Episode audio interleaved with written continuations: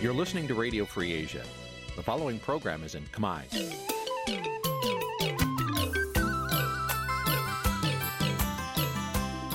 Nǐ ជាកម្មវិធីផ្សាយ Vuthu Azizi Serai នេះជាកម្មវិធីផ្សាយរបស់ Vuthu Azizi Serai ជាភាសាខ្មែរ Vuthu Azizi Serai សូមស្វាគមន៍លោកអ្នកនាងទាំងអស់ពីរដ្ឋធានី Washington នៃសហរដ្ឋអាមេរិក។ ចាប់ពីរដ្ឋធានី Washington នាងខ្ញុំម៉ៅសុធានីសូមជម្រាបសួរលោកអ្នកស្ដាប់ទាំងអស់ជាទីមេត្រីចាយើងខ្ញុំសូមជូនការផ្សាយសម្រាប់ព្រឹកថ្ងៃប្រហ័ស700ខែអាសត់ឆ្នាំឆ្លូវត្រីស័កពុទ្ធសករាជ2565ហើយដែលត្រូវនឹងថ្ងៃទី28ខែតុលាគ្រិស្តសករាជ2021ចាជាដំបូងនេះសូមអញ្ជើញលោកអ្នកនាងកញ្ញាស្ដាប់ព័ត៌មានប្រចាំថ្ងៃដែលមានមេត្តាដូចតទៅ thank you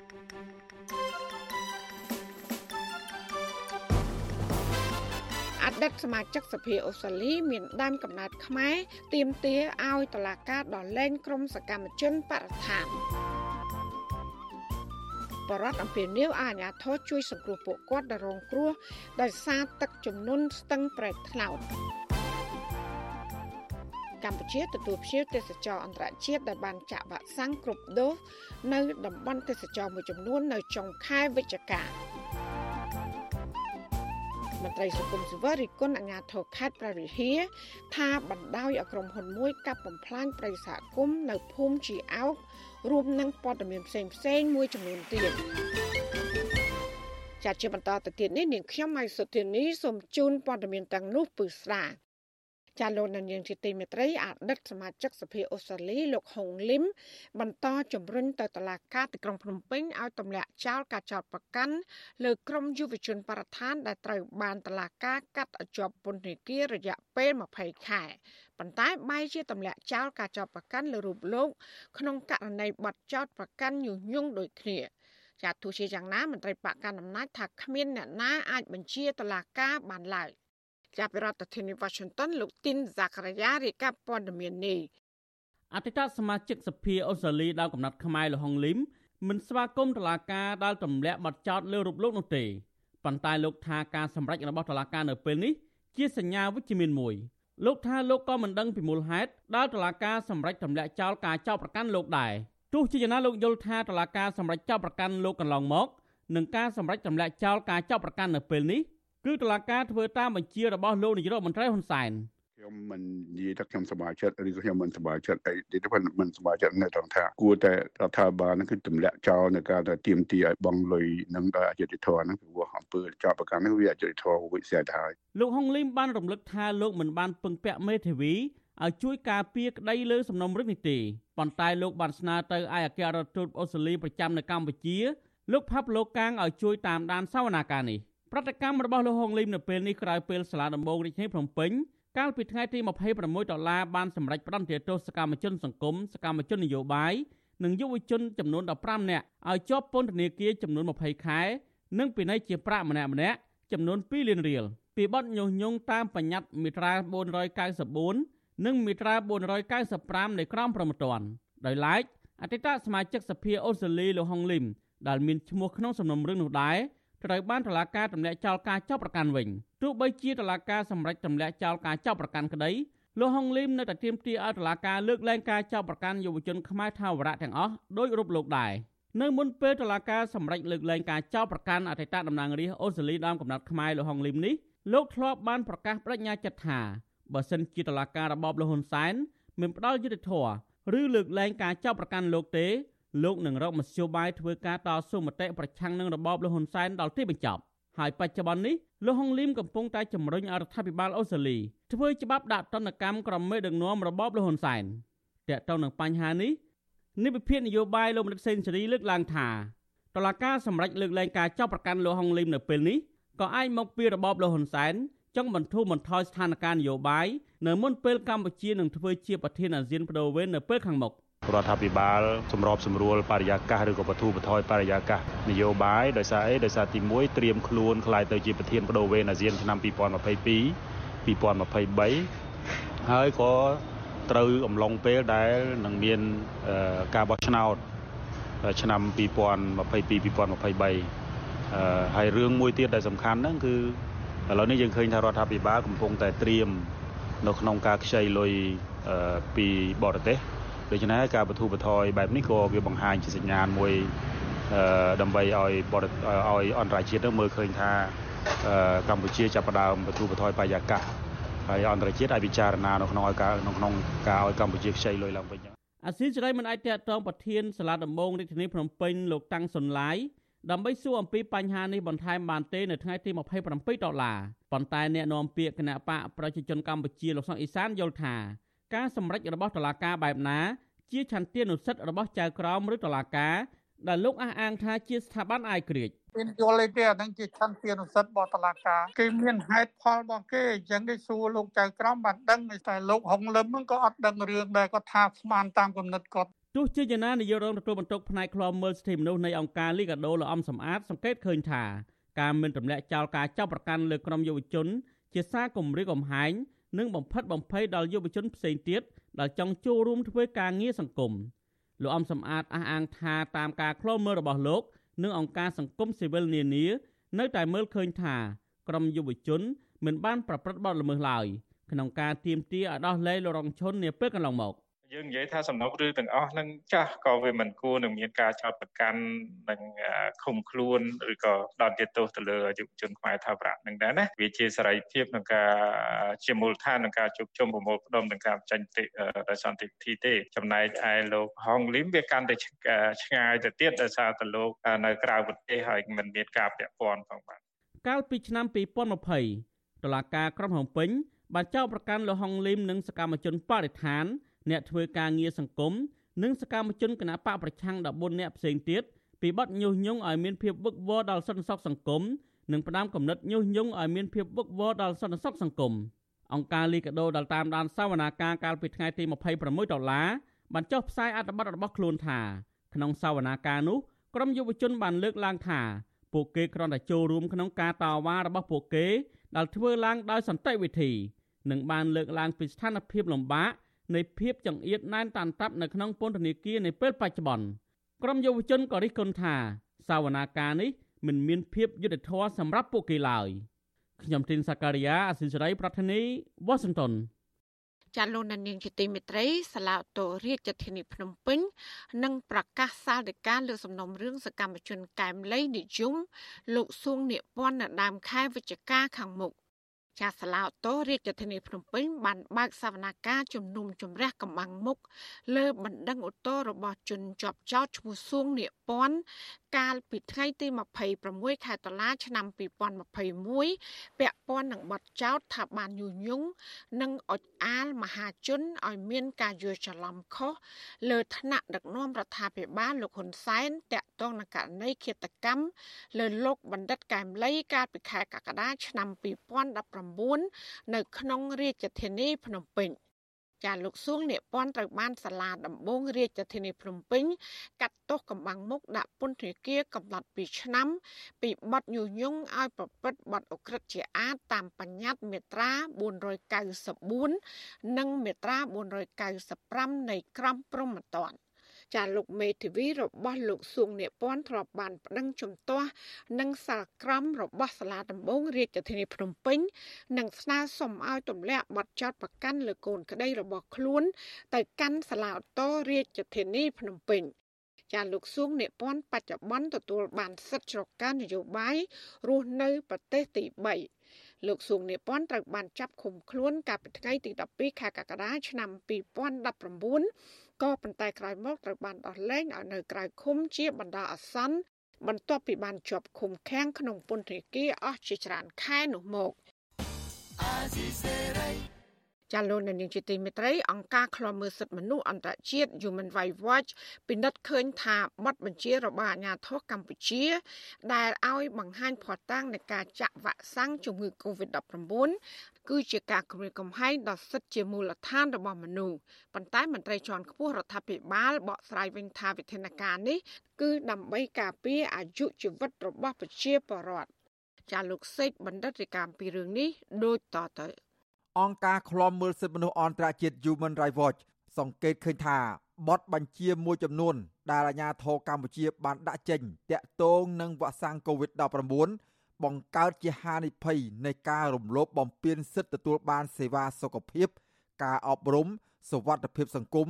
និងសិទ្ធិជាមូលដ្ឋានដទៃទៀតរបស់ប្រជាពលរដ្ឋ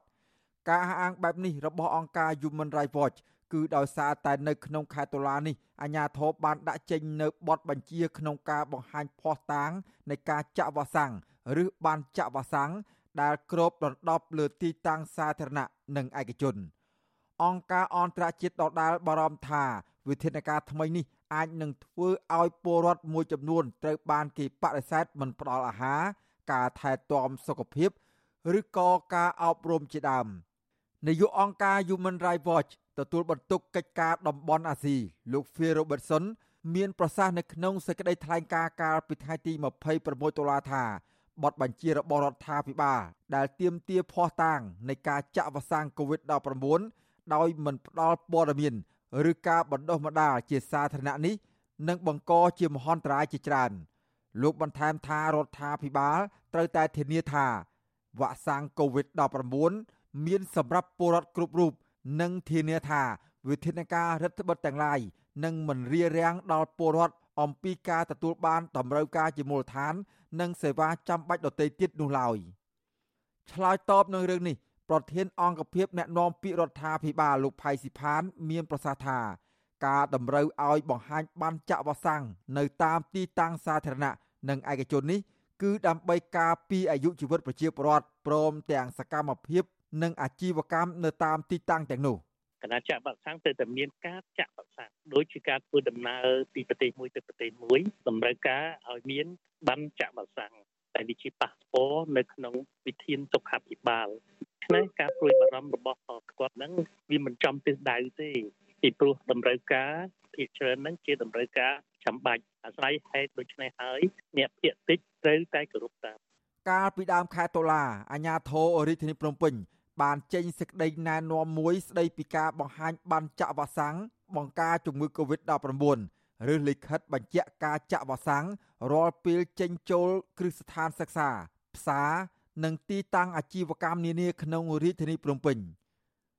ពលរដ្ឋទាំងអស់មានកាតព្វកិច្ចបង្ហាញឯកសារទាំងនេះ នៅពេលចេញចូលទីតាំងសាធារណៈឬឯកជន ដូចជាសាលារៀនផ្សារភោជនីយដ្ឋាន ហាងកាហ្វេ និងទីតាំងផ្សេងផ្សេងទៀតប៉ុន្តែក្រោយមកអាជ្ញាធររាជធានីភ្នំពេញបានលើកលែងកាតព្វកិច្ចសម្រាប់កុមារនិងយុវជនដែលមានអាយុចាប់ពី6ឆ្នាំដល់18ឆ្នាំចំពោះការចេញចូលសាលារៀនអាជ្ញាធររាជធានីភ្នំពេញដាក់បញ្ជាថាបើមានបុគ្គលណាម្នាក់មិនព្រមសហការបង្ហាញបានចាក់វ៉ាក់សាំងទេ អ្នកគ្រប់គ្រងឬម្ចាស់ទីតាំងដាច់ខាតមិនត្រូវអនុញ្ញាតឲ្យពួកគេចូលក្នុងទីតាំង ឬទីកន្លែងរបស់ខ្លួននោះឡើយហើយត្រូវរាយការណ៍ករណីនេះទៅអាជ្ញាធរដែលនៅក្បែរនោះជាបន្ទាន់ជាមួយគ្នានេះអាជ្ញាធរប្រមានថា បើអ្នកគ្រប់គ្រងឬម្ចាស់ទីតាំងណា ដែលមិនអនុវត្តតាមគោលការណ៍ណែនាំនេះពួកគេត្រូវប្រឈមមុខនឹងការដកហូតអាជ្ញាប័ណ្ណឬលិខិតអនុញ្ញាតនិងអាចឈានដល់ការបិទទីតាំងព្រមទាំងត្រូវប្រឈមមុខនឹងផ្លូវច្បាប់ថែមទៀតផង។ សេចក្តីណែនាំរបស់អាជ្ញាធររាជធានីភ្នំពេញនេះត្រូវបានបេឡាជាតិសន្តិសុខសង្គមហៅកាត់ថាបសសនៃក្រសួងកាងារប្រើប្រាស់ជាមូលដ្ឋាន ក្នុងការផ្ដល់ឬមិនផ្ដល់សេវាជូនពលរដ្ឋបសសបានប្រកាសកាលពីថ្ងៃទី10តុលាថាពលរដ្ឋដែលទៅទទួលសេវានៅគ្រប់ទីស្នាក់ការនៃអង្គភាពមួយនេះត្រូវបង្ហាញបានចាក់វ៉ាក់សាំងឬលិខិតបញ្ជាក់ការចាក់វ៉ាក់សាំងបើមិនដូច្នោះទេ បសសមិនផ្ដល់សេវាជូននោះទេជុំវិញរឿងនេះនាយករងទទួលបន្ទុកផ្នែកឃ្លាំមើលសិទ្ធិមនុស្សនៃអង្គការលីកាដូលោកអមសំអាតទទួលស្គាល់ថាវិធានការរបស់អាជ្ញាធរនេះគឺដើម្បីការពារសុខុមាលភាពរបស់ប្រជាពលរដ្ឋក៏ប៉ុន្តែចំណុចខ្លះក៏អាចប៉ះពាល់ដល់សិទ្ធិជាមូលដ្ឋានរបស់ប្រជាពលរដ្ឋដែរលោកយល់ថាដំណោះស្រាយល្អបំផុតនោះគឺការណែនាំអ្នកគ្រប់គ្រង ឬម្ចាស់ទីតាំងទាំងឡាយ ឲ្យយល់ច្បាស់ពីវិធានការថ្មីនេះគួរតែមានការណែនាំទៅដល់ស្ថាប័នរដ្ឋឯកជនហ្នឹងឲ្យបានច្បាស់លាស់អំពីវិធានការហ្នឹងណាដើម្បីជៀសវាងការអនុវត្តទៅវាលើសឬក៏វាខ្វះយ៉ាងម៉េចដែលធ្វើឲ្យប៉ះពាល់ទៅដល់សិទ្ធិផ្សេងទៀតរបស់ពលរដ្ឋណាកាលពីខែឧសភាកន្លងទៅ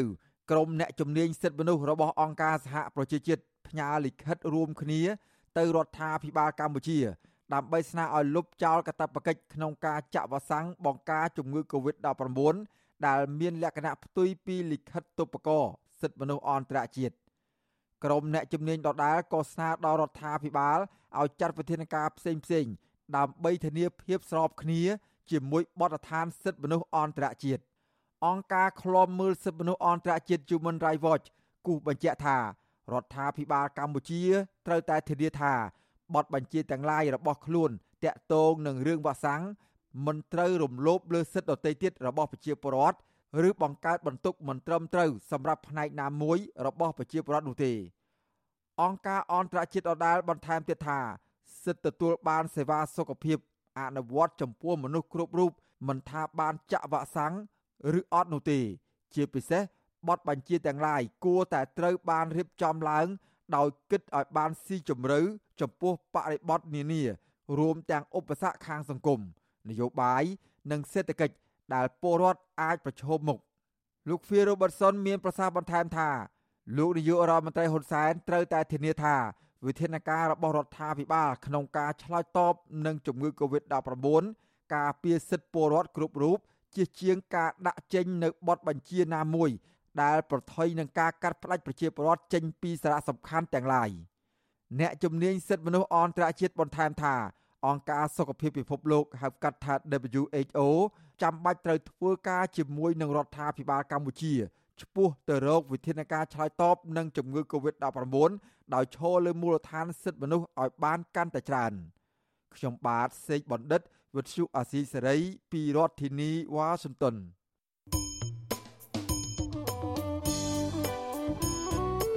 ចាលោកនាងជាទីមេត្រីវិទ្យុអសីស្រីផ្សាយតាមរលក ធាតុអាកាសខ្លីឬ short wave តាមកម្រិតនិងកម្ពស់ដូចតទៅចាពេលព្រឹកគឺចាប់ពីម៉ោង5កន្លះដល់ម៉ោង6កន្លះគឺតាមរយៈរលក ធាតុអាកាសខ្លី9940 kHz ស្មើនឹងកម្ពស់30ម៉ែត្រចាសម្រាប់ពេលយប់វិញចាប់ពីម៉ោង7កន្លះដល់ម៉ោង8កន្លះគឺតាមរយៈរលក ធាតុអាកាសខ្លី 9960 kHz ស្មើនឹងកម្ពស់ 30ម៉ែត្រហើយនឹង11240 kHz ស្មើនឹងកម្ពស់ 25ម៉ែត្រចាសសូមអរគុណ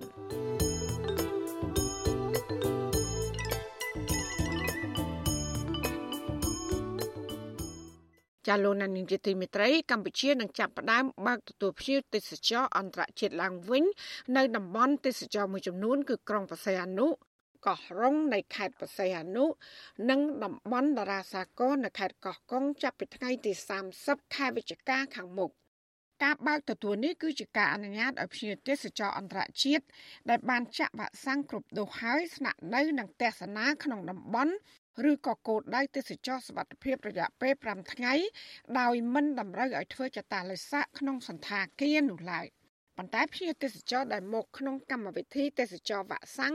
តម្រូវឲ្យធ្វើតេស្តរហ័សរោគអង់ទីសែន COVID-19 នៅពេលមកដល់អាកាសយានដ្ឋាន។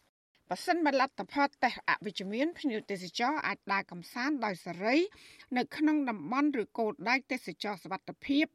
ដោយអនុវត្តតាមនីតិវិធីប្រតិបត្តិស្តង់ដារនិងវិធានសវត្ថភាពទេសចរជាភ្ញៀវទេសចរត្រូវមានវិញ្ញាណប័ណ្ណបត្របញ្ជាក់ថាគ្មានជំងឺ Covid-19 ដែលចេញក្នុងរយៈពេល72ម៉ោងនៃជើងហោះហើរនិងព័ត៌មានអំពីប្រវត្តិធ្វើដំណើរ14ថ្ងៃមុនពេលដែលចេញមកកម្ពុជា។ បន្ថែមពីនេះភ្ញៀវទេសចរទាំងនោះត្រូវកក់កន្លែងស្នាក់នៅ មានលិខិតធានារ៉ាប់រងសុខភាព សម្រាប់ការធ្វើដំណើរនិងការព្យាបាលជំងឺ Covid-19 ជាដើមចាប់ពាក់ព័ន្ធនឹងចំនួនអ្នកស្លាប់ដោយសារជំងឺ Covid-19 វិញគឺបានកើនឡើងដល់2758អ្នកហើយបន្ទាប់ពីមានអ្នកជំងឺ7អ្នកទៀតបានស្លាប់កាលពីថ្ងៃទី27ខែតុលា គិតត្រឹមព្រឹកថ្ងៃទី27ខែតុលាកម្ពុជា មានអ្នកកើតជំងឺ Covid-19 ជាង118,000នាក់ក្នុងនោះគឺមានអ្នកជាសះស្បើយមានជិត114,000នាក់ចាចំពោះការចាក់វ៉ាក់សាំងបង្ការជំងឺ Covid-19 វិញក្រសួងសុខាភិបាលឲ្យដឹងថាកត្រឹមថ្ងៃទី26ខែតុលារដ្ឋាភិបាល បានចាក់ជូនប្រជាពលរដ្ឋដែលមានអាយុ6ឆ្នាំឡើងទៅ គឺបានកាន់តែជាតិសម្រាប់ផែនការ100%ហើយក្នុងចំណោមអ្នកដែលត្រូវចាក់សរុបជាតិ14លានអ្នក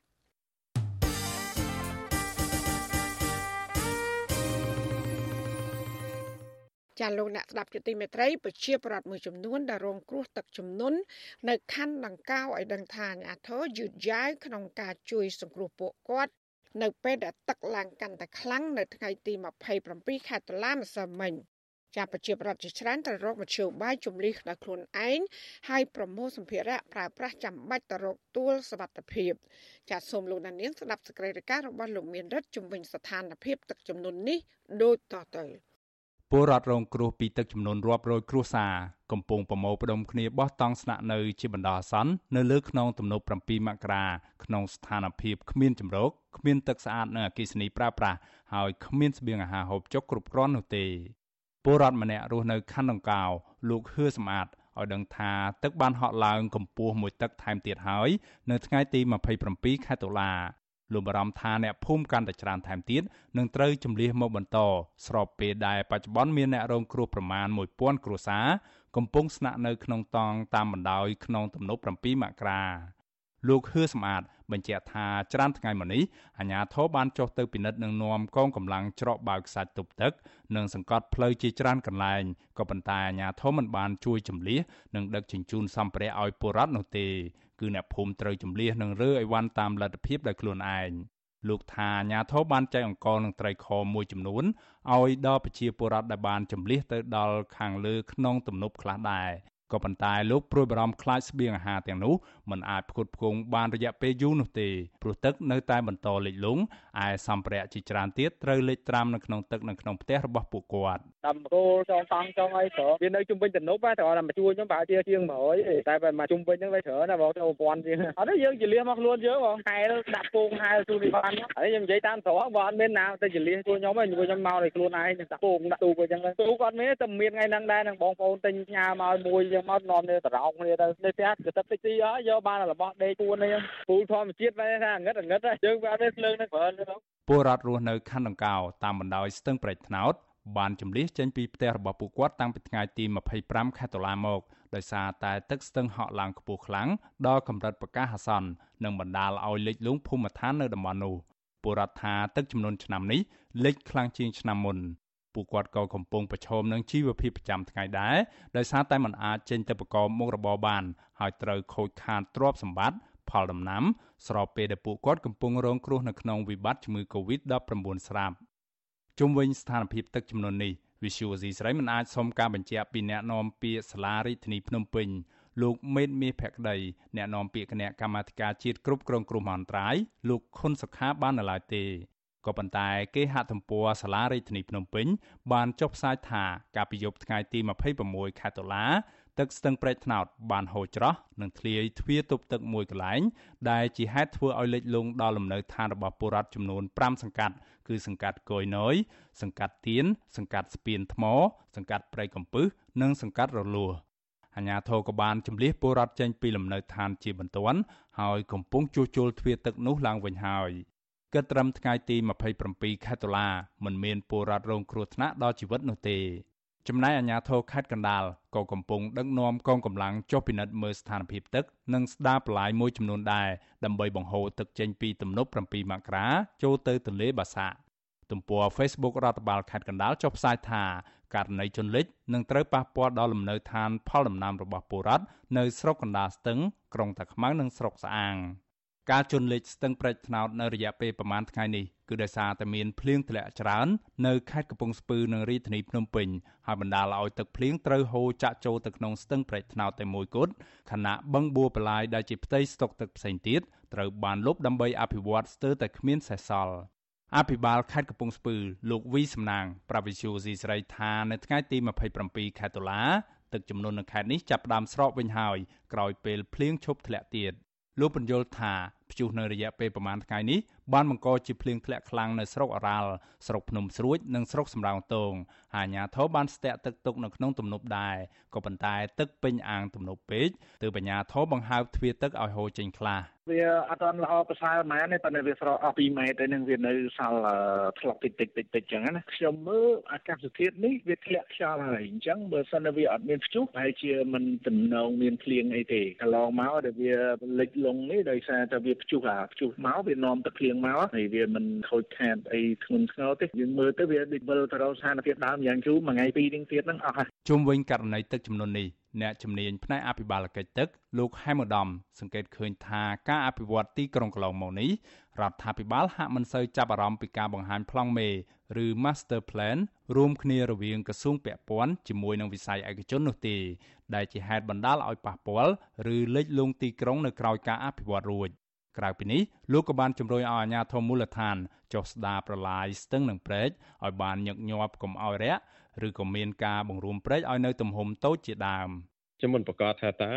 ស្ថាប័នពាក់ព័ន្ធនៅក្នុងវិស័យអស់ហ្នឹងគាត់បានជជែកគ្នាគាត់មាន master plan ក្នុងការពិវត្តទីក្រុងហ្នឹងរួមគ្នាដែរឬអត់ទីហៅថាវិស័យអចលនទ្រព្យហ្នឹងតាក់ទងជាមួយនឹងក្រសួងរៀបចំដែនដីហើយចំណែកខាងក្រសួងធនធានទឹកក្រសួងបរិស្ថានអាជ្ញាធររាជធានីតើពួកគាត់បានអង្គុយជជែកគ្នាប៉ុណ្ណាគ្រូយោបល់នឹងមានផែនការអភិវឌ្ឍរួមមួយមិនមែនថាផែនការអភិវឌ្ឍរៀងៗខ្លួនណាអញ្ចឹងខ្ញុំនៅឃើញមានកម្រិតកន្លែងហ្នឹង ទឹកស្ទឹងប្រែកថ្នោតបានជន់លិចផ្ទះសម្បែងផលដំណាំនិងសត្វចិញ្ចឹមរបស់ពលរដ្ឋធ្ងន់ធ្ងរនៅក្នុងរយៈពេល2ឆ្នាំចុងក្រោយនេះពលរដ្ឋនិងអ្នកឃ្លាំមើលយល់ថាស្ថានភាពទឹកស្ទឹងប្រែកថ្នោតកាន់តែខ្លាំងនេះគឺបណ្ដាលមកពីការលុបបឹងបួធម្មជាតិជាពិសេសគឺបឹងជើងឯកដែលជាកន្លែងស្តុកទឹកធំជាងគេនៅម្ដុំនោះខ្ញុំបាទមេរិត Visual C ស្រីរាយការណ៍ពីរដ្ឋធានី Washington ចាលោកនាងជាទីមេត្រីប្រិយសហគមន៍ភូមិជាអោកដែលសម្បូរទៅដោយដើមឈើធំធំ និងព្រៃស្រោងបន្សល់ទុកចុងក្រោយរបស់ខេត្តព្រះវិហារកំពុងទទួលរងការឈូសឆាយกับឈើហូបធំធំធ្វើអាជីវកម្មពីសំណាក់ក្រុមហ៊ុនមួយដែលខុបខិតជាមួយនឹងមន្ត្រីបរិស្ថាន មន្ត្រីសង្គមស៊ីវិលនិងប្រជាសហគមន៍ខកចិត្តចំពោះទង្វើរបស់អភិបាលខេត្តព្រះវិហារថាគ្មានមនសិការការពារ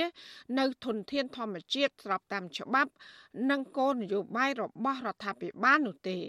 ចាប់ពីរដ្ឋធានី Washington លោកសនច័ន្ទរដ្ឋារាយការណ៍ព័ត៌មាននេះមន្ត្រីអង្គការសង្គមស៊ីវិលទម្លាក់ការទទួលខុសត្រូវលើក្រសួងបរិស្ថាននិងអភិបាលខេត្តព្រះវិហារថាមិនដែលម្ដងមានសកម្មភាពឈូសឆាយប្រិយសហគមន៍ភូមិជាអោទ្រង់ទ្រីធំ ពីសំណាក់ក្រុមហ៊ុនសន្តានារបស់អញ្ញាអុកកំសានប្រិយសហគមន៍នេះស្ថិតនៅក្នុងភូមិជាអោកឃុំរមនីស្រុករវៀងដែលជនជាតិដើមភាគតិចគួយរាប់រយគ្រួសារខិតខំអភិរក្សជាង20ឆ្នាំមកហើយមន្ត្រីសម្របសម្រួលសមាគមអាត60ខេត្តព្រះវិហារលោកឡាវច័ន្ទប្រាវិទ្យាអាស៊ីសេរីនៅថ្ងៃទី27ខែតុលាថាគ្រឿងចាក់យ៉ាងហោចណាស់4គ្រឿងបានឈូសឆាយផ្ដួលដើមឈើធំធំនៅក្នុងព្រៃសហគមន៍ភូមិជាអោកអស់ប្រមាណ8ហិកតា នៅរយៈពេលជាង2សប្តាហ៍ចុងក្រោយនេះ។ លោកថាសមាគមអាត60បានចោទដល់មូលដ្ឋានប្រទះឃើញដើមឈើធំធំដែលផ្ដល់ប្រយោជន៍ច្រើនដល់ប្រជាពលរដ្ឋកំពុងប្រឈមការកាប់បំផ្លិចបំផ្លាញធ្វើជីវកម្មក្រោមលេសវិនិយោគមិនច្បាស់លាស់ហើយគ្មានឯកសារច្បាប់ត្រឹមត្រូវលោកបញ្ជាក់ថាអ្នកភូមិជាង300គ្រួសារមិនពេញចិត្តនឹងគម្រោងវិនិយោគដែលគំតិចប្រិយសហគមន៍ដូចនេះទេហេតុនេះអញ្ញាធិខេត្តនិងក្រសួងបរិស្ថានគួរតែដោះស្រាយក្តីកង្វល់របស់ពួកគាត់។ មន្ត្រីជំនាញក៏មិនបានជួយការពារទៅនឹងដីព្រៃសហគមន៍របស់ពួកគាត់នោះដែរមានតែទម្លាក់កំហុសចោទពួកគាត់ថាជាអ្នកបំផ្លិចខ្លាញព្រៃសហគមន៍ខ្លួនឯងទៅវិញចំណែកឯ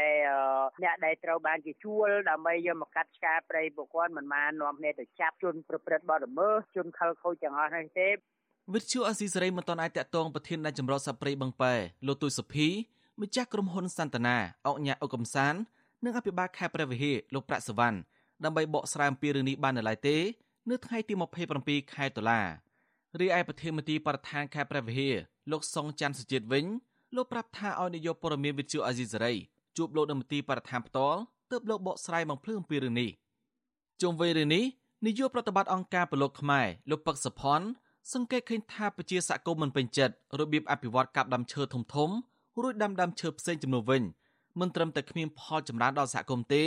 បែរជាធ្វើបាត់បង់ប្រភពចំណូលរបស់អ្នកភូមិរកអនុផលព្រៃឈើនិងបំរែបំរួលអាកាសធាតុទៅវិញលោកបារម្ភថាព្រៃសហគមន៍នេះនឹងរលីហិនហោចប្រសិនបើអាជ្ញាធរវិនិយោគឲ្យក្រុមហ៊ុនឯកជនបណ្ដាលឲ្យអ្នកភូមិលំបាកវេទនាហើយបាត់បង់ប្រាក់ចំណូល។ ចំណែកឯការបាត់បង់ព្រៃសហគមន៍ក្នុងតំបន់ការពាររបស់គាត់នេះ គឺជាការទទួលខុសត្រូវទាំងស្រុងរបស់ក្រសួងបរិស្ថាន ហើយនិងអាជ្ញាធរនៅមូលដ្ឋាន យើងឃើញថាតំបន់ CPA ភាគច្រើន គឺមានការផ្ដាល់ទៅឲ្យក្រុមហ៊ុនសម្បត្តិសេដ្ឋកិច្ចអញ្ចឹងវារលត់រលាយទៅថ្ងៃមុខគឺដោយសារតែក្រសួងបរិស្ថាននឹងផ្ទាល់តែម្ដងបាទសមាជិកសហគមន៍ភូមិជាអោកលោកររឿន ថ្លែងថាមកទល់ពេលនេះក្រុមហ៊ុនបានផ្អាកសកម្មភាពឈូសឆាយហើយក្រោយពីអ្នកភូមិលើកគ្នាតវ៉ាឲ្យបញ្ឈប់លោកថាដើមឈើធំធំរាប់ពាន់ដើមត្រូវគេកាប់រំលំនៅរយៈពេល2សប្តាហ៍ចុងក្រោយនេះបានធ្វើអ្នកភូមិស្ដាយសំណោះធនធានធម្មជាតិដែលខំថែទាំអស់ជា20ឆ្នាំមកហើយលោកប្រកាសចំហថានៅមិនប្រកុលដីព្រៃនេះវិនិយោគឲ្យក្រុមហ៊ុនដាច់ខាតដោយសារព្រៃជាអាយុជីវិតរបស់ប្រជាពលរដ្ឋនិងសត្វព្រៃជាច្រើនប្រភេទណែ ចង់ឲ្យទុកឲ្យគង់វងណាបានឲ្យអង្គការជួយណែបានប្រយោជន៍ព្រៃឈើធំធំល្អឲ្យបានប្រយោជន៍បេះសត្វបេះគួយអត់ឲ្យដួលព្រៃឈើគ្រប់មុខបានផលច្រើនណាស់ព្រៃកាលពីដើមខែកញ្ញាកន្លងទៅពលរដ្ឋជា100នាក់បានលើកគ្នាតវ៉ាពីថ្ងៃជាប់គ្នានៅតំបន់ព្រៃសហគមន៍ជាអោកដើម្បីទាមទារឲ្យក្រុមហ៊ុនសាន់តានារបស់អង្គការអុកកំសានបញ្ឈប់សកម្មភាពឈូសឆាយព្រៃសហគមន៍ជាបន្ទាន់អ្នកភូមិចោទថាក្រុមហ៊ុននេះបានប្រើគ្រឿងចាក់5គ្រឿង ឈូសផ្ដួលរំលំដើមឈើធំធំរាប់ពាន់ដើមក្នុងព្រៃអភិរក្សមួយនេះព្រៃសហគមន៍ភូមិជាអោកឬហៅម្យ៉ាងទៀតថាតំបន់ការពារធម្មជាតិជាអោកបឹងព្រៃគឺជាផ្នែកមួយនៃដែនចម្រុះសត្វព្រៃបឹងប៉ែដែលមានផ្ទៃដីជាង2000ហិកតាព្រៃសហគមន៍នេះបានចុះបញ្ជីទទួលស្គាល់ដោយក្រសួងបរិស្ថាន កាលពីឆ្នាំ2003ស្ថិតក្នុងភូមិជាអោកឃុំរមនីស្រុករវៀងខេត្តព្រះវិហារអ្នកភូមិថាព្រៃការពារនេះមានសត្វព្រៃកម្រជាច្រើនប្រភេទរនៅ រួមមានសត្វទន្សោងស្វាខ្ទីងប្រើសក្ងោកនិងជ្រូកព្រៃជាដើមខ្ញុំសនចាររថាវិទ្យុអេស៊ីសរ៉ៃរីកាពីរដ្ឋធានីវ៉ាស៊ីនតោនចាលោកនាងកញ្ញាកំពុងស្ដាប់ការផ្សាយរបស់វិទ្យុអេស៊ីសរ៉ៃផ្សាយចេញពីរដ្ឋធានី Washington ចាប់ប្រជាប្រដ្ឋជាង200គ្រួសារបានដាក់ពាក្យប្តឹងសុំកិច្ចអន្តរាគមន៍ទៅអាជ្ញាធរឃុំស្រុកខេត្តកោះកុង និងក្រសួងបរិស្ថានដើម្បីទប់ស្កាត់ការកាប់ទន្ទ្រានព្រៃកោងកាង ដើម្បីយកដីធ្វើជាកម្មសិទ្ធិបុគ្គលបរដ្ឋថាព្រៃកោងកាងទំហំ63ហិកតាគឺជាប្រភពចំណូលនេសាទយ៉ាងសំខាន់របស់ប្រជាប្រដ្ឋជាច្រើនពាន់គ្រួសារ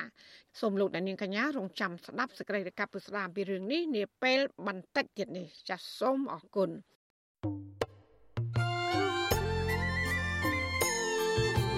ចាលោកនាងកញ្ញាជាទីមេត្រីក្រៅតែពីការតាមដានកម្មវិធីផ្សាយរបស់វិទ្យុអាស៊ីសេរី តាមបណ្ដាញសង្គម Facebook YouTube Telegram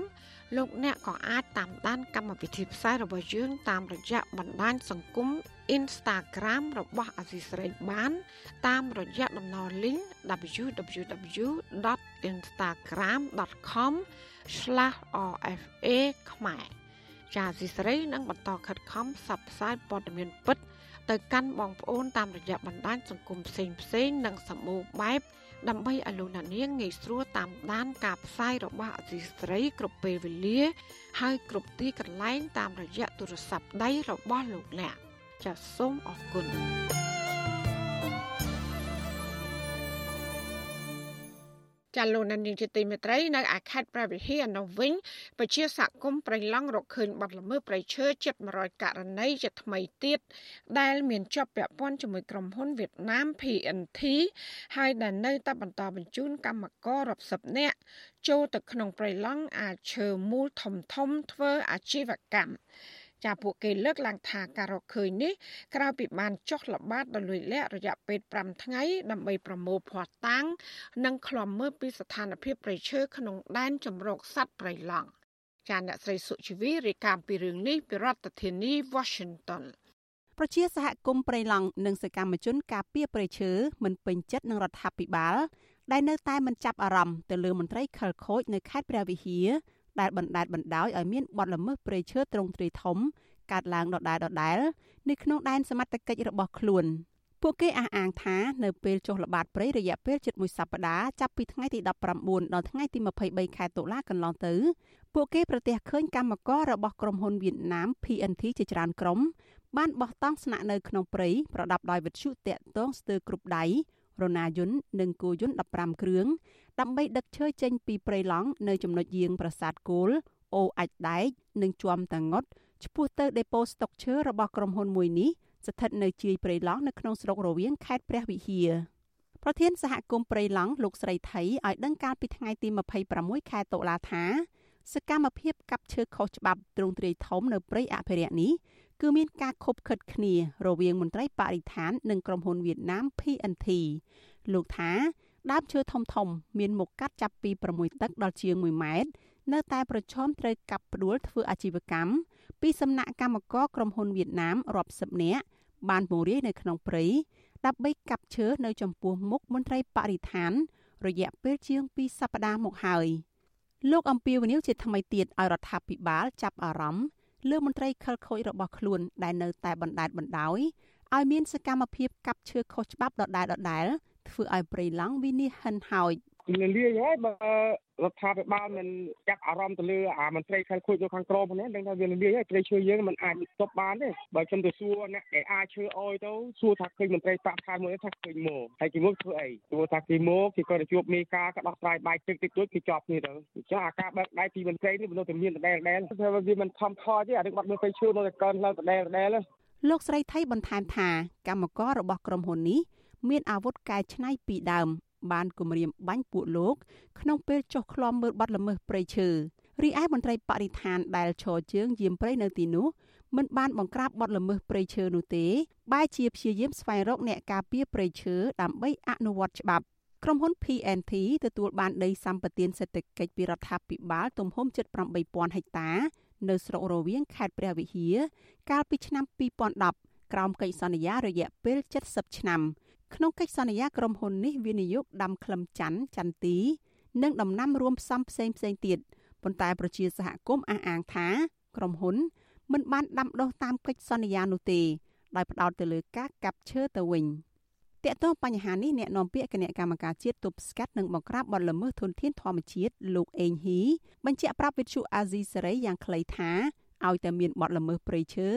គឺអាជ្ញាធរដែនដីតែងតែអនុវត្តច្បាប់ លោកជំរុញឲ្យប្រជាសហគមន៍ផ្ដល់ព័ត៌មាននេះទៅអាជ្ញាធរខេត្តដែលជាសេនាធិការរបស់គណៈកម្មការជាតិដើម្បីចុះបង្ក្រាបបទល្មើសព្រៃឈើអញ្ចឹងសូមឲ្យគាត់ទំនាក់ទំនងទៅអាជ្ញាធរដែនដីក្នុងករណីបើអាជ្ញាធរដែនដីមិនបង្ក្រាបអានឹងបានគណៈកម្មការជាតិចុះទៅបង្ក្រាបតែធម្មតាតូចតូចហ្នឹងគណៈរបស់គណៈការអនុគណៈកម្មការរបស់ខេត្តហ្នឹងគេបង្ក្រាបហើយបាទដោយឡែកតំណាងក្រុមហ៊ុនវៀតណាម PNT ជាជនជាតិតៃវ៉ាន់ធ្លាប់ប្រាប់វិទ្យុអាស៊ីសេរីថា លោកមិនអាចបំភ្លឺរឿងនេះតាមទូរស័ព្ទបានទេជុំវិញរឿងនេះសកម្មជនការពារព្រៃឈើលោកហេងស្រស់ចាត់ទុកបទល្មើសព្រៃឈើទ្រង់ទ្រាយធំនេះថាជាចេតនារបស់ឆ្មាំអភិរក្សនៃក្រសួងបរិស្ថាន ដែលខົບខិតគ្នាជាមួយក្រុមហ៊ុនវៀតណាមរកស៊ីឈើខុសច្បាប់លោកសង្កេតឃើញថាមន្ត្រីបរិស្ថាន មិនមែនការពារព្រៃឈើនោះទេ តែបែរជាការការពារជនល្មើសកັບបំផ្លាញព្រៃឈើនៅក្នុងពេលដែលប្រជាសហគមន៍ព្រៃឡង់ចង់ល្បាតព្រៃ ដើម្បីអភិរក្សធនធានធម្មជាតិតែបែរជារងនឹងការគំរាមកំហែង និងធ្វើទុកបុកម្នេញពីមន្ត្រីបរិស្ថានទៅវិញនេះគ្រាន់តែមួយខេត្តទេទាំងអស់ព្រៃឡង់ទាំងអស់គឺជាប់ទាំង4ខេត្តហើយយើងមិនគ្មានលទ្ធភាពណាដើម្បីចូលទៅក្នុងតំបន់ព្រៃឡង់បានទេព្រោះព្រៃឡង់គ្របដណ្ដប់ដោយមន្ត្រីបរិស្ថានហើយកាងការពារដោយមិនអោយពួកយើងចូលសូម្បីតែឈរអែបមាត់ព្រៃបើសិនតែយើងមើលពីបទល្មើសហើយនឹងអ្នកដែលរស់ស៊ីការកម្មផ្លាញ់ព្រៃឈើវិញបែរជាចូលទៅក្នុងតំបន់ព្រៃយ៉ាងរលូនដោយមិនមានការរារាំងគឺមានបើកដៃហើយនឹងការការពារឲ្យពួកអ្នករស់ស៊ីឈើទាំងអស់នោះមានការដឹកនិងកាប់ដោយរលូនកាលពីចុងឆ្នាំ2020ប្រជាសហគមន៍ព្រៃឡង់ប្រទះឃើញឈើមូលធំធំជាង500ដើមត្រូវគេកាប់ចេញពីដីស្រែចម្ការរបស់ពលរដ្ឋដឹកជញ្ជូនចូលទៅក្នុងការដ្ឋានរបស់ក្រុមហ៊ុន PNT ជាបន្តបន្ទាប់ដើម្បីអាចជ្រៀកធ្វើអាជីវកម្មប្រជាសហគមន៍និងពលរដ្ឋអះអាងថាក្រុមហ៊ុនមានម៉ាស៊ីនអាចជ្រៀកឈើខ្នាតធំ4គ្រឿងនិងមានរថយន្តកែច្នៃ10គ្រឿងសម្រាប់ដឹកឈើធ្វើអាជីវកម្ម សកម្មជនបរិស្ថានបន្ថែមថាបើទោះបីជារកឃើញភ័ស្តុតាងជាច្រើន ដែលបង្ហាញថាក្រុមហ៊ុន PNT និងក្រុមហ៊ុន Michael Logistics បានប្រព្រឹត្តឧក្រិដ្ឋកម្មព្រៃឈើខ្នាតធំជាប់តំបន់ព្រៃឡង់ជាច្រើនខែមកហើយប៉ុន្តែមិនត្រឹមតែគ្មានការបង្ក្រាបពីអាជ្ញាធររដ្ឋាភិបាលទេផ្ទុយទៅវិញសកម្មភាពកាប់ឈើធំធំគឺនៅតែកើតមានឡើងឥតស្រាកស្រាននាងខ្ញុំសុជីវី With you Azizi Saray ពីរដ្ឋធានី Washington ចាលោកនាងកញ្ញាកំពុងស្ដាប់ការផ្សាយរបស់វិទ្យុអាស៊ីស្រីផ្សាយចេញពីរដ្ឋធានី Washington ចាប់ប្រជាប្រដ្ឋប្រមាណ70នាក់តំណាងឲ្យប្រដ្ឋជាង100គ្រួសារនៅក្នុងឃុំចំនួន3នៅស្រុកគ្រាសាកោខេត្តកោះកុងបាននាំគ្នាដាក់ញត្តិទៅសាលាខេត្តនេះដើម្បីស្នើសុំអាជ្ញាធរផ្ដល់ដំណោះស្រាយសារជាថ្មីក្រោយដែលពិពួកគាត់មិនព្រមទទួលយកគោលនយោបាយរដ្ឋាភិបាលដីធ្លីកន្លងមកនេះ តើសង្គមស៊ីវិលមានសំណូមពរអ្វីខ្លះដល់អាជ្ញាធរខេត្តហើយនិងក្រសួងដែនដីតាក់ទងនឹងបញ្ហាដីធ្លីនេះចាសសូមលោកនាងកញ្ញារងចាំស្ដាប់សេចក្តីរាយការណ៍ពុស្ដាអំពីរឿងនេះនៅក្នុងការផ្សាយរបស់យើងនាពេលបន្តិចទៀតនេះចាសសូមអរគុណ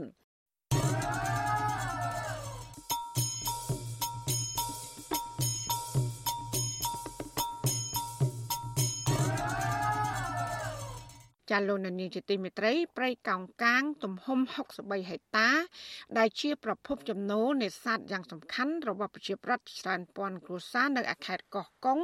កំពុងប្រឈមការកាប់ទន្ទ្រានដើម្បីយកដី ធ្វើជាកម្មសិទ្ធិបុគ្គលអស់ជាច្រើនហិកតាជាប្រជាប្រដ្ឋជាង200គ្រួសារបានដាក់ពាក្យប្តឹងសុំកិច្ចអន្តរាគមន៍ទៅអាជ្ញាធរឃុំស្រុកនិងខេត្ត ហើយនឹងក្រសួងបរិស្ថានដើម្បីទប់ស្កាត់និងស៊ើបអង្កេតរកជនល្មើសមកផ្ដន្ទាទោសតាមច្បាប់ចាប់ពីរដ្ឋធានី Washington លោកលេងម៉ាលីរាយការណ៍ពុស្ដាជំវិញព័ត៌មាននេះ ពលរដ្ឋជាង200គ្រួសាររស់នៅក្នុងភូមិចំនួន8ក្នុងឃុំជ្រោយស្វាយស្រុកស្រែអំបិលរិះគន់អាជ្ញាធរខេត្តកោះកុងថាមិនអើពើដោះស្រាយពាក្យបណ្ដឹងរបស់ពួកគាត់ដែលពឹងឲ្យអាជ្ញាធរជួយទប់ស្កាត់សកម្មភាពកាប់បំផ្លាញព្រៃកោងកាងអស់ជាង12ហិកតាជាថ្មីទៀតនៅរយៈពេល6ខែចុងក្រោយនេះអ្នកភូមិអះអាងថាពួកគាត់បានកំណត់អត្តសញ្ញាណជនសង្ស័យ5នាក់ដែលជាមេខ្លោងខុបខិតកាប់ព្រៃកោងកាងខុសច្បាប់ ប៉ុន្តែអាជ្ញាធរនៅតែរារែកមិនអើពើចាត់វិធានការច្បាប់តំណាងពលរដ្ឋនៅស្រុកស្រែអំបិលលោកអ៊ុយសរនប្រាប់វិទ្យុអស៊ីសេរីនៅថ្ងៃទី27តុលាថាព្រៃកោងកាងនៅតំបន់នោះមានទំហំសរុប63ហិកតា ដែលជាជំរកត្រីពងកូន និងជីវៈចម្រុះសម្បូរបែបកំពុងប្រឈមការបាត់បង់ជាបន្តបន្ទាប់លោកបន្តថាពលរដ្ឋនៅមូលដ្ឋាន5នាក់បានខົບខិតគ្នាជាមួយអាជ្ញាធរមួយចំនួន និងមេសហគមន៍នេសាទ សម្រុកកັບទន្ទ្រានព្រៃកោងកាងអស់ជាង10ហិកតាធ្វើឲ្យពលរដ្ឋរាប់រយគ្រួសារកើតទុក្ខមិនសុខចិត្តសម្បត្តិជាតិសម្បត្តិធម្មជាតិរបស់រដ្ឋនេះបាទវាសំខាន់ណាស់លោកក្មួយនិយាយបើរឿងធនធានធម្មជាតិវិញ គឺវាបាត់បង់នៅ ដូចជាជីវៈចម្រុះក្តាមខ្យងត្រីបង្គា បាទអាហ្នឹងគឺវាវាប៉ះពាល់ច្រើនណាស់ប៉ះពាល់ដល់ រដ្ឋហេតុអីបានថាប៉ះពាល់ដល់រដ្ឋពីព្រោះអាជនប្រព្រឹត្តហ្នឹងវាកាប់យកធ្វើជាឯកជនយកដីរដ្ឋហ្នឹងបាទពលរដ្ឋរូបនេះបន្ថែមថាអ្នកភូមិជាង200គ្រួសារបានរួមគ្នាដាក់ពាក្យប្តឹងសុំកិច្ចអន្តរាគមន៍ទៅអាជ្ញាធរឃុំស្រុកនិងខេត្តជាច្រើនលើកមកហើយតែគ្មានដំណោះស្រាយនៅឡើយទេរីឯជនល្មើសនៅតែបន្តសកម្មភាពកាប់ទន្ទ្រានព្រៃកោងកាងដើម្បីយកដីធ្វើជាកម្មសិទ្ធិនៅកន្លែងដែលពលរដ្ឋនេសាទត្រីចិញ្ចឹមជីវិត ប្រជាសហគមន៍នេសាទគឺលោកញៀវហាជស្ដាយព្រៃកោងកាងដែលជាជំរកត្រីពងកូននិងជាឆ្នាំងបាយរបស់ប្រជាពលរដ្ឋជាច្រើនភូមិក្នុងឃុំជ្រោយស្វាយនេសាទត្រីជាលក្ខណៈគ្រួសាររកប្រាក់ចំណូលចិញ្ចឹមជីវិតកំពុងប្រឈមវិនាសហិនហោចលោកបញ្ជាក់ទៀតថាអ្នកភូមិអាចរកប្រាក់ចំណូលពីការនេសាទត្រីចាប់ពី40000រៀលដល់ជាង100,000រៀលក្នុងមួយថ្ងៃពីព្រៃកោងកាងនៅតំបន់នោះ ដូច្នេះប្រសិនបើបាត់បង់ព្រៃកោងកាងពួកគាត់នឹងគ្មានកន្លែងនេសាទត្រីចិញ្ចឹមជីវិតទៀតទេសប្តាហ៍ប្រជាពលរដ្ឋក៏កំតស៊ូចូលរឿងជួបរនាំងអីក៏ដោយក៏គាត់នៅតែព្យាយាមគឺជាកន្លែងដែលគាត់រស់ស៊ីប្រកបមករងរៀងរាល់ថ្ងៃអញ្ចឹងអត់តស៊ូលុះត្រាគេស្ថិតគេមានលុយមានអំណាចក៏ដោយក៏គាត់នៅចាប់គ្នាតស៊ូរហូតដឹងថាឆ្នាំណាខណាដែលគេរស់ឡោះស្រ័យ វិទ្យុអស៊ីសេរីមិនអាចតាក់ទងសុំការបំភ្លឺរឿងនេះពីអ្នកនាំពាក្យសាលាខេត្តកោះកុងលោកសុកសទ្ធីបាននៅឡើយទេដោយសារទូរស័ព្ទហៅចូលតែគ្មានអ្នកលើកនៅថ្ងៃទី27ដុល្លារប៉ុន្តែមេឃុំជ្រោយស្វាយលោកប៊ុនរ៉េទទួលស្គាល់ថាពិតជាមានការកាប់ទន្ទ្រានព្រៃកោងកាងអស់ជាង10ហិកតា ហើយលោកថាលោកបានផ្ដល់ដំណឹងនេះទៅថ្នាក់លើរួចអស់ហើយលោកបញ្ជាក់ថាកន្លងទៅ លោកបានចាត់មេភូមិនិងសមាជិកក្រុមប្រឹក្សាឃុំចុះស្រាវជ្រាវរឿងនេះ ដើម្បីធ្វើរបាយការណ៍ស្នើឲ្យថ្នាក់លើចាត់វិធានការបន្តទៀតព្រោះភារកិច្ចដោះស្រាយរឿងនេះហួសពីសមត្ថភាពអាជ្ញាធរឃុំសួរនាំតាមអាជ្ញាធរប្រព័ន្ធអ្នកក្រមវិភូមិអីណាសួរនាំឲ្យបន្តមកយើងបានធ្វើបាយបាយការឲ្យទៅលើអត់តាដោយឡែកប្រធានគណៈកម្មការសហគមន៍នេសាទតំបន់ឆ្នេរសមុទ្រជ្រោយស្វាយលោកហៅឡាញ់ប្រាប់វិទ្យុអស៊ីសេរីថាព្រៃកោងកាងដែលពលរដ្ឋប្តឹងទាមទារនោះមិនស្ថិតក្នុងតំបន់សហគមន៍ដែលលោកគ្រប់គ្រងនោះទេ លោកបញ្ជាក់ថាដីព្រៃកោងកាងនៅតំបន់នោះគឺស្ថិតក្នុងតំបន់ប្រើប្រាស់ច្រើនយ៉ាងដងពេងដែលគ្រប់គ្រងដោយក្រសួងបរិស្ថានបាទអត់មានទេអត់មានទេដល់សហគមន៍សត្វនៅគេដាក់ឲ្យនៅក្នុងសមុទ្រទឹកសមុទ្រហ្មងណាផុតពីពេលកងកាងបាទហើយប្រជាពលរដ្ឋគាត់ទៅរកដើមរស់យ៉ងគាត់ទៅរកធម្មតាប៉ុន្តែពេលគេកាប់បំផ្លាញហ្នឹងក៏យើងខ្ញុំក៏អត់ដឹងដែរដល់ខាងណាកាប់ វិទ្យុអស៊ីសេរីមិនទាន់អាចតាក់ទងប្រធានមន្ទីរបរិស្ថានខេត្តកោះកុងលោកហ៊ុនម៉ារ៉ាឌីដើម្បីសុំការបំភ្លឺរឿងនេះបាននៅឡើយទេនៅថ្ងៃទី27ដុល្លារនេះអ្នកភូមិចាត់ទុកព្រៃកោងកាងនៅតំបន់នោះអាចបង្កើតជាតំបន់អេកូទេសចរធម្មជាតិរក្សាការពារតម្លៃធនធានធម្មជាតិឲ្យមាននិរន្តរភាពជូនពលរដ្ឋនិងបង្កើតឱកាសការងារដល់ប្រជាសហគមន៍ដោយអាចទាញយកប្រាក់ចំណូលបានតាមរយៈភ្ញៀវទេសចរចូលមកទស្សនាកម្សាន្តនៅតំបន់នោះ អ្នកភូមិមានបំណងចង់ថែទាំព្រៃកោងកាងទាំងនេះឲ្យគង់វង្សដើម្បីប្រយោជន៍យូរអង្វែងរបស់ពលរដ្ឋសុវត្ថិភាពបរិស្ថាន និងជំរកសត្វស្លាបជាច្រើនប្រភេទជុំវិញរឿងនេះមន្ត្រីសម្របសម្រួលសមាគមអាត6ខេត្តកោះកុងលោកថោងចន្ទរាសង្កេតឃើញថាជនល្មើសជាប់ខ្សែស្រឡាយអ្នកធំនិងជាអ្នកមានលុយមានអំណាចអាជ្ញាធរមិនយកចិត្តទុកដាក់ដោះស្រាយពាក្យបណ្ដឹងរបស់ពលរដ្ឋនោះទេដែលជាដើមចមធ្វើឲ្យព្រៃកោងកាងនៅតែបន្តបាត់បង់លោកថាលោកខកចិត្ត ចំពោះអាជ្ញាធរខេត្តនេះមិនជួយការពារធនធានធម្មជាតិដែលជាទ្រព្យសម្បត្តិរបស់រដ្ឋស្របតាមច្បាប់នោះទេបើទោះបីជាសកម្មភាពកັບទន្ទ្រានព្រៃកោងកាងកើតឡើងនៅចំពោះមុខអាជ្ញាធរក្តីអាញាធរដូចអត់មានឆន្ទៈនៅក្នុងការពារធនធានធម្មជាតិទ្រព្យសម្បត្តិរបស់រដ្ឋទេពេលខ្លះនោះបាទយើងឃើញមាន ការកាប់រៀននឹងត្រៀនកន្លងមកច្រើនកន្លែងមកហើយដូចថាដល់មានការផ្សព្វផ្សាយអីព័ត៌មានច្រើនហ្នឹងទៅបានគាត់ទៅទប់ស្កាត់គាត់មានវិធានការអីទៅលើអ្នកដែលកាប់រៀននឹងត្រៀនមិនដែរមិនមានការអនុវត្តផ្លូវច្បាប់អីបានតឹងរឹងអីច្បាស់លាស់ទេគាត់ពេលខ្លះទៅគាត់ការជួបគ្នាដោះស្រាយតាមរបៀបបែបរដ្ឋបាល ប្រជាសហគមន៍នេសាទប្រាប់ថាព្រៃកោងកាងស្ថិតក្នុងតំបន់ឆ្នេរសមុទ្រជ្រោយស្វាយនៃភូមិជ្រោយស្វាយលិចឃុំជ្រោយស្វាយស្រុកស្រែអំបិលជាប្រភពសេដ្ឋកិច្ចយ៉ាងសំខាន់របស់ពលរដ្ឋ8ភូមិនេសាទត្រីរកប្រាក់ចំណូលដោះស្រាយជីវភាព និងទទួលប្រយោជន៍ពីភ្ញៀវទេសចរទៅទស្សនាកម្សាន្ត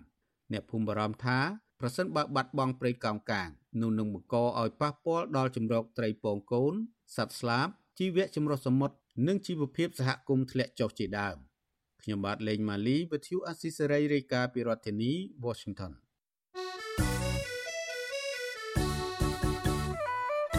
ចាលោកនាងជាទីមេត្រីក្នុងឱកាសនេះដែរនាងខ្ញុំសូមថ្លែងអំណរគុណដល់លោកនាងកញ្ញាដែលតែងតែមានភក្ដីភាពចំពោះការផ្សាយរបស់យើង ហើយចាត់ទុកការស្ដាប់វិទ្យុអសីស្រីជាផ្នែកមួយនៃសកម្មភាពប្រចាំថ្ងៃរបស់លោកអ្នក ចាការគ្រប់គ្រងរបស់លោកនាងនេះហើយដែលធ្វើយើងខ្ញុំមានទឹកចិត្តកាន់តែខ្លាំងបន្ថែមទៀតក្នុងការស្វែងរកនិងផ្តល់ព័ត៌មាន សម្រាប់ជូនលោកនាងចាំមានអ្នកស្ដាប់និងអ្នកទស្សនាកាន់តែច្រើនកាន់តែធ្វើឲ្យយើងខ្ញុំមានភាពស្វាហាប់មោះមុតជាបន្តទៀតចាយើងខ្ញុំសូមអរគុណទុកជាមុនហើយក៏សូមអញ្ជើញលោកដានៀងកញ្ញាចូលរួមជំរុញសកម្មភាពផ្តល់ព័ត៌មានរបស់យើងនេះឲ្យកាន់តែបានជោគជ័យបន្ថែមទៀត ចាលោកដានៀងអាចជួយយើងខ្ញុំបានដោយគ្រាន់តែចុចចែករំលែកឬ share ការផ្សាយរបស់យើងខ្ញុំនៅលើបណ្ដាញសង្គម Facebook និង YouTube ទៅកាន់មិត្តភ័ក្តិរបស់លោកនាងដើម្បីឲ្យការផ្សាយរបស់យើង បានទៅដល់មនុស្សកាន់តែច្រើនចាសសូមអរគុណ ចាលោកនាងជាទីមេត្រីប្រជាប្រដ្ឋប្រមាណជា70នាក់តំណាងឲ្យប្រដ្ឋជាង100គ្រួសារនៅឃុំចំនួន3នៅក្នុងស្រុកគ្រីសាកោខេត្តកោះកុងបាននាំគ្នាដាក់ញត្តិទៅសាលាខេត្តនេះដើម្បីស្នើសុំអាជ្ញាធរផ្ដល់ដំណោះស្រាយសារជាថ្មីក្រោយពីពួកគាត់មិនព្រមទទួលយកគោលនយោបាយរដ្ឋាភិបាលដីធ្លីកាលពីពេលកន្លងទៅនេះ ចាសង្គមស៊ីវិលសង្ឃឹមថាអាញាធរខេត្តនិងក្រសួងដែនដីនឹងពិនិត្យមើលសំណើរបស់ប្រជាប្រដ្ឋដោយយកចិត្តទុកដាក់ដើម្បីឈានទៅដល់ការដោះស្រាយបញ្ចប់វិវាទដីធ្លីដ៏រ៉ាំរ៉ៃមួយនេះដោយជោគជ័យចាប់ពីរដ្ឋធានី Washington លោកទីនសាករាយាមានសេចក្តីរាយការណ៍ដាច់ដライមួយទៀតជុំវិញព័ត៌មាននេះដូចតទៅប្រជាពលរដ្ឋនៅឃុំប្រែកខ្សាច់ឃុំភ្ញីមាសនិងឃុំកោះស្ដេចជិត150គ្រួសារនៅស្រុកគិរីសាគរ ទាមទារឲ្យអាជ្ញាធរចុះពិនិត្យមើលដីទំហំផ្ទះនិងដីចំការរបស់ពួកគេឲ្យបានត្រឹមត្រូវហើយពិភាក្សាផ្ដាល់សំណងគោលនយោបាយសាជាថ្មីឲ្យស្របទៅនឹងទំហំដីដែលបរដ្ឋបាត់បង់ទៅក្រុមហ៊ុនចិន Union Development Group តំណាងបរដ្ឋខុំកោះស្ដាច់លោកស្រីសាំងពុយថ្លែងថាគោលនយោបាយដោះស្រាយដីធ្លីរបស់រដ្ឋាភិបាលឲ្យបរដ្ឋទៅចាប់ឆ្នោតយកដីឡូនៅទីតាំងថ្មីកន្លងទៅនេះគឺគ្មានដំណាភាពនិងគ្មានយុត្តិធម៌នោះទេ ដោយសារតែអាជ្ញាធរមិនបានបង្ហាញឲ្យប្រជាពលរដ្ឋយល់ដឹងច្បាស់ជាមុនអំពីគោលនយោបាយនេះក្រៅតែពីប្រើវិធានការចាប់បង្ខំឲ្យពលរដ្ឋដែលមានដីជាច្រើនហិកតា បង្ខំឲ្យពលរដ្ឋយកសំណងដូចគ្នានឹងពលរដ្ឋដែលមានដីតិចជាង1ហិកតាលោកស្រីបន្តថាការដោះស្រាយបញ្ហាដីធ្លីដោយអាជ្ញាធរខេត្តកោះកុងនិងក្រសួងដែនដីនៅពេលនេះគឺនៅមានភាពមិនប្រក្រតីជាច្រើនដោយសារតែពលរដ្ឋខ្លះមានដីធ្លីត្រឹមត្រូវបែជាពុំមានឈ្មោះទទួលសំណង រីឯក្រុមពលរដ្ឋដែលធ្លាប់ទទួលសំណងពីរដ្ឋម្ដងហើយទទួលបានសំណងម្ដងទៀតលោកស្រីឲ្យដឹងថាអាញាធរបានចាត់គ្រូសាលោកស្រីនិងម្ដាយលោកស្រីចូលទៅក្នុងប្រភេទទី2ដែលត្រូវទទួលដី2ហិកតាពីរដ្ឋក្រោយពីអាញាធរថាដីធ្លីរបស់លោកស្រី8ហិកតា និងដីចំការ17ហិកតាទៀតស្ថិតនៅខុសភូមិ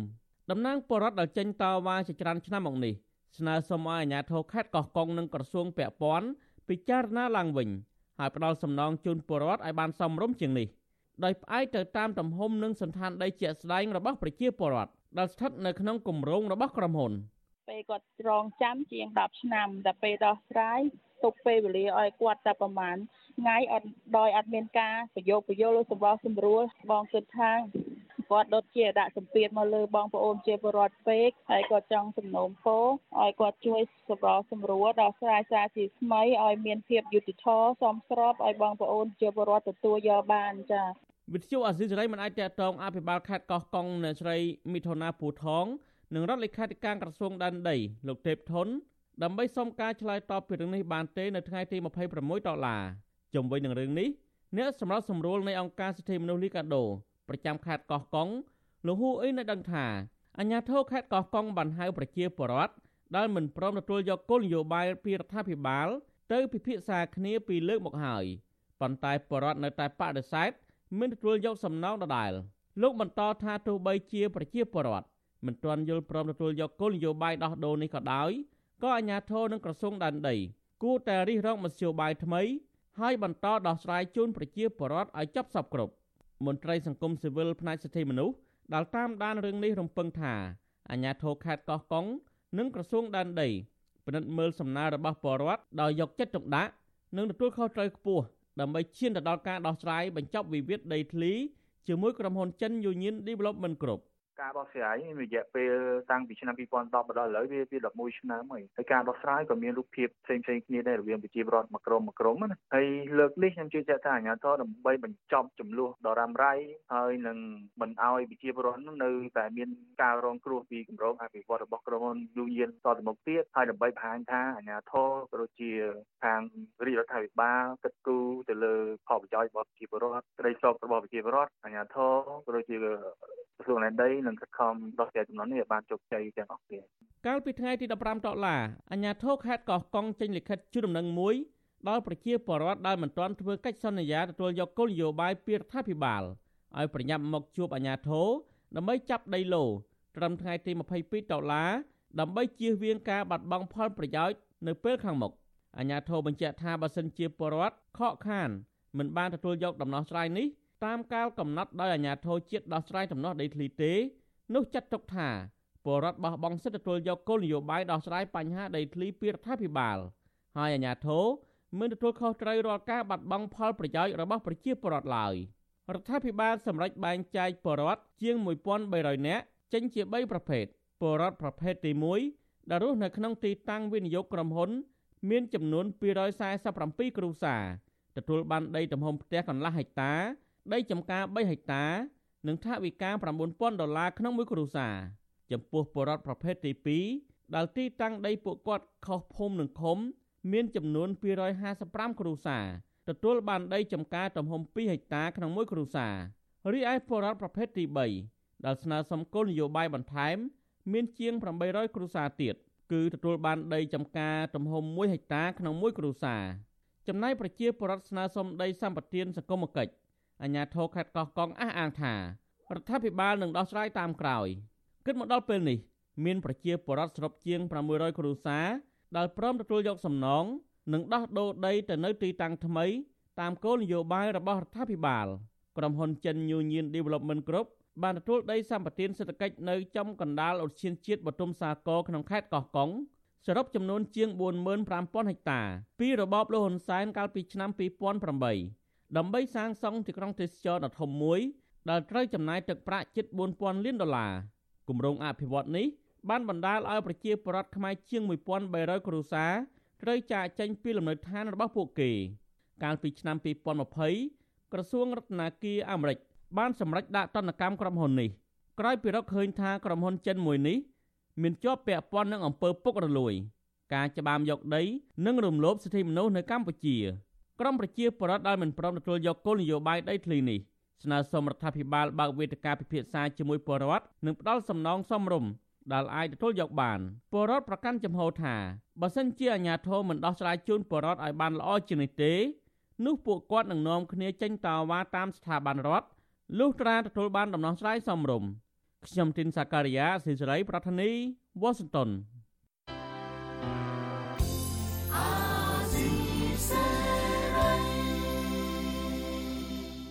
ចាលោកនាងជាទីមេត្រីជាបន្តទៅទៀតនេះនាងខ្ញុំម៉ៃសុធានីសូមជូនព័ត៌មានបញ្ចប់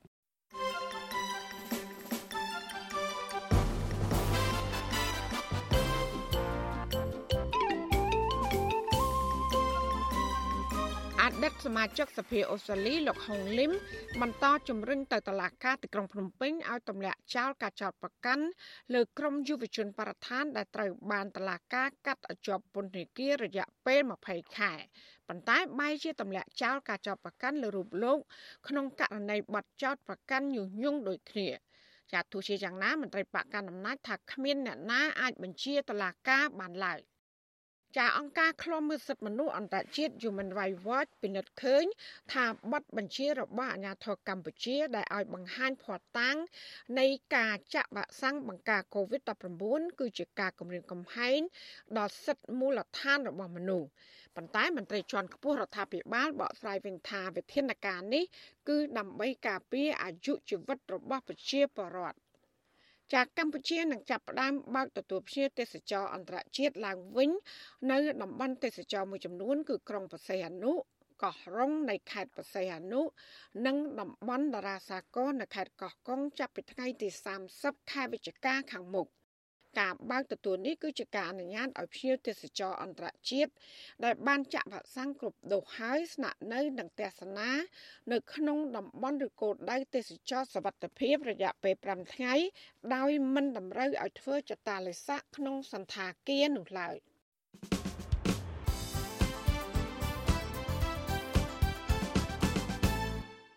ចាលោកលានកញ្ញាអ្នកស្ដាប់ជាទីមេត្រីការផ្សាយរយៈពេល1ម៉ោងរបស់វិទ្យុអាស៊ីស្រីជាភាសាខ្មែរនៅពេលនេះចាប់តែប៉ុណ្ណេះ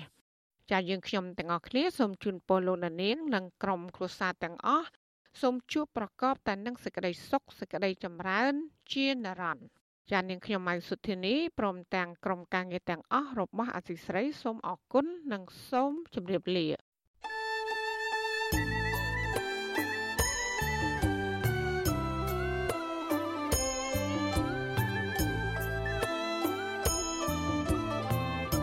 វិទ្យុអាស៊ីសេរីផ្សាយតាមរលក ធាតុអាកាសខ្លីឬ short wave តាមកម្រិតនិងកម្ពស់ដូចតទៅនេះពេលព្រឹកចាប់ពីម៉ោង5កន្លះដល់ម៉ោង6កន្លះតាមរយៈរលក ធាតុអាកាសខ្លី13715 kHz ស្មើនឹងកម្ពស់ 22m ពេលយប់ចាប់ពីម៉ោង7កន្លះដល់ម៉ោង8កន្លះតាមរយៈរលក ធាតុអាកាសខ្លី9960 kHz ស្មើនឹងកម្ពស់ 30m និង11240 kHz ស្មើនឹងកម្ពស់ 25m លោកអ្នកនាងក៏អាចស្ដាប់ការផ្សាយផ្ទាល់តាមប្រព័ន្ធអ៊ីនធឺណិតដោយចូលទៅកាន់គេហទំព័រ www.rfa.org/ ខ្មែរក្រៅពីនេះលោកអ្នកនាងក៏អាចអាននិងទស្សនាព័ត៌មានវិទ្យុអាស៊ីសេរីលើទូរស័ព្ទដៃរបស់លោកអ្នកផ្ទាល់ សូមលោកអ្នកនាងចូលទៅកាន់បណ្ដាញសង្គម Facebook ដែលមានអាសយដ្ឋាន www.facebook.com/rfa.cambodia និង YouTube www.youtube.com/rfa ខ្មែរ video សូមលោកអ្នកនាងចុច like និងចុច Subscribe ដើម្បីទទួលបានព័ត៌មានថ្មីៗទាន់ហេតុការណ៍និងទស្សនាវីដេអូផ្សេងៗទៀតបានគ្រប់ពេលវេលា។